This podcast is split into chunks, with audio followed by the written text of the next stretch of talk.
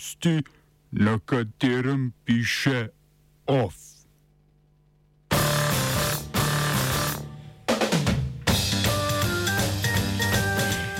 Ameriško zunanje ministrstvo odobrilo prodajo raketnih sistemov HIMARS Polski.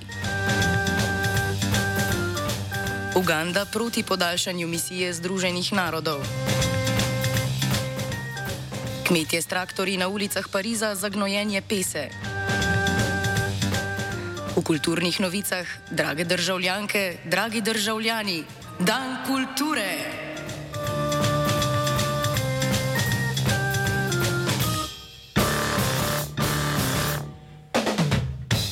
Združene države Amerike še naprej opravljajo svojo reproduktivno vlogo, igrajo se z orožjem. Ameriško zunanje ministrstvo je odobrilo prodajo 18 raketnih sistemov HIMARS Polski, ki bo morala za morilske stroje odšteti 10 milijard dolarjev. Preden bo prodaja dokončno potekla, jo, bodo, jo bo moral potrditi še kongres. Poljske oblasti so prejšnji mesec napovedale, da bodo v letu 2023 za obrambne izdatke namenile 4 odstotke bruto domačega proizvoda. V lanskem letu je Poljska za vojsko namenila skoraj 2,5 odstotka BDP-ja, kar je tretji največji odstotek med članicami NATO. Raketne sisteme HIMARS so ZDA lani dobavile v Ukrajino in Estonijo, potencijalna kupca pa sta tudi Litva in Latvija. Militarizaciji nekdanjih sovjetskih republik, tako kot bogatenju vojaške industrije, ni videti konca.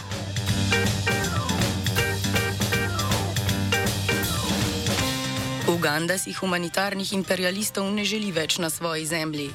Ugansko ministrstvo za zunanje zadeve je v pismu Združenim narodom sporočilo odločitev vlade, da ne bo podaljšala mandata misije Visokega komisarjata Združenih narodov za človekove pravice v državi.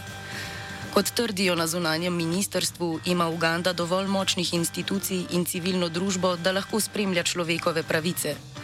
Od leta 2006 so bili od poslanci in od poslanke Združenih narodov zadolžene zgolj za, za, za konfliktom izpostavljeno območje na severu države, kasneje pa so svoje delovanje razširili na celotno državo. Uganski predsednik Joveri Musveni, ki, mu, ki, vladi, ki vlada državi že od leta 1986, je znan predvsem po preganjanju opozicije in zatiranju protestov v predvolilnih kampanjah.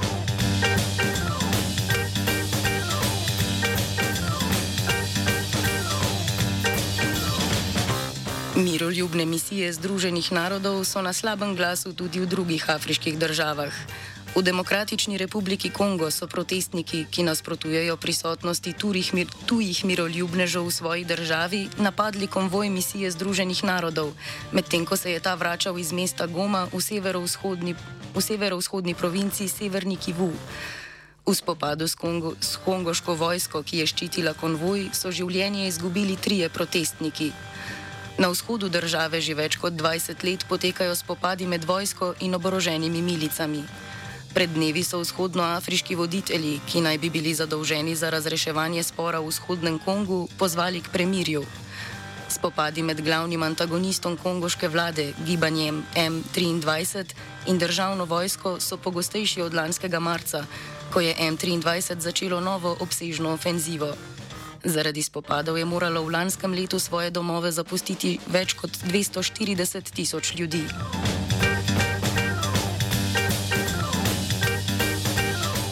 Humanitarna katastrofa, ki jo je povzročil protes, pro, potres v Siriji in Turčiji, ne zaustavlja turških raket.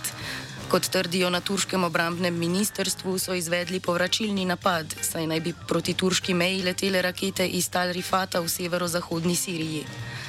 Zadnja večja turška ofenziva na območje severovzhodne Sirije proti samoobrambnim kurdskim milicam JPG je potekala konec novembra in v decembru. Turčija pa tudi sicer javno izraža ozemeljske težnje po teritorijih Iraka in Sirije.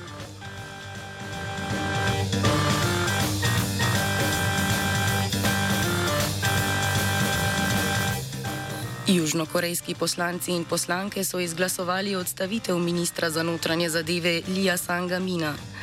Razlog za to je neprimerno posredovanje ministra pri Stampedu, ki se je zgodil na praznovanju za noč čarovnic lanskega oktobra.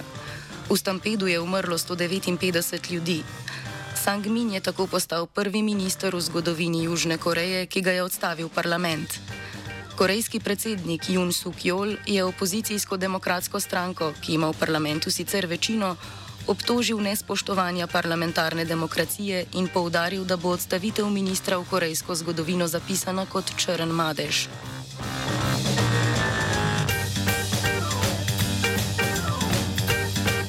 Na Šrilanki je več sto ljudi protestiralo proti zvišanju davkov, ki jih je vlada uvedla zaradi visoke inflacije.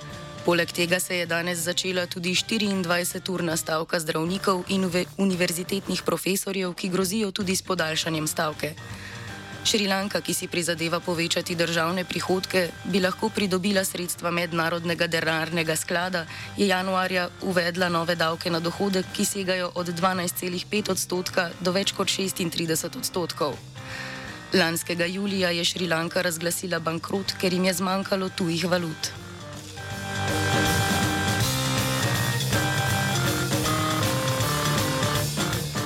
Francoski kmetje so se v protest proti omejitvam pri uporabi pesticidov in ostalih okoljevarstvenih ukrepov, ki otežujejo kmetovanje, z več sto traktorji pripeljali v Pariz. Kmetje nasprotujejo odločitvi Evropskega sodišča iz prejšnjega meseca, ki je razveljavilo odločitev Francije, da pridelovalcem pese dovoljuje uporabo insekticida, ki je v Evropski uniji prepovedan. Protest je organiziral največji francoski kmečki sindikat, v katerem so mnenja, da kmetom vse čas nalagajo nove prepovedi, ne da bi predstavili rešitve. Okoljski aktivisti, ki so odločitev Evropskega sodišča pozdravili, poudarjajo, da uporaba neonikotinoidnih insekticidov pri gojenju pese škoduje predvsem čebelam.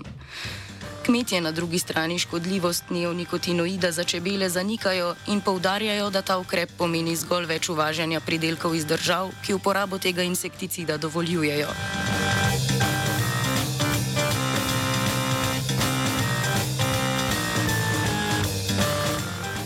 Za konec kulturno-prazničnega ofa še modrost, dan, modrost danes po noči preminulega legendarnega jugoslovanskega nogometnega trenerja Miroslava Čira Blaževiča. Ko može više za državu uraditi? Političari ili sport? Jebote, političari, šta oni mogu raditi? Ovo je javni servis, gospodine Blaževiću, molim vas pripazite na riječnik. Dragi moj, jesi vidio kako reče čovjek? Pa ugledajte se u nogometaše.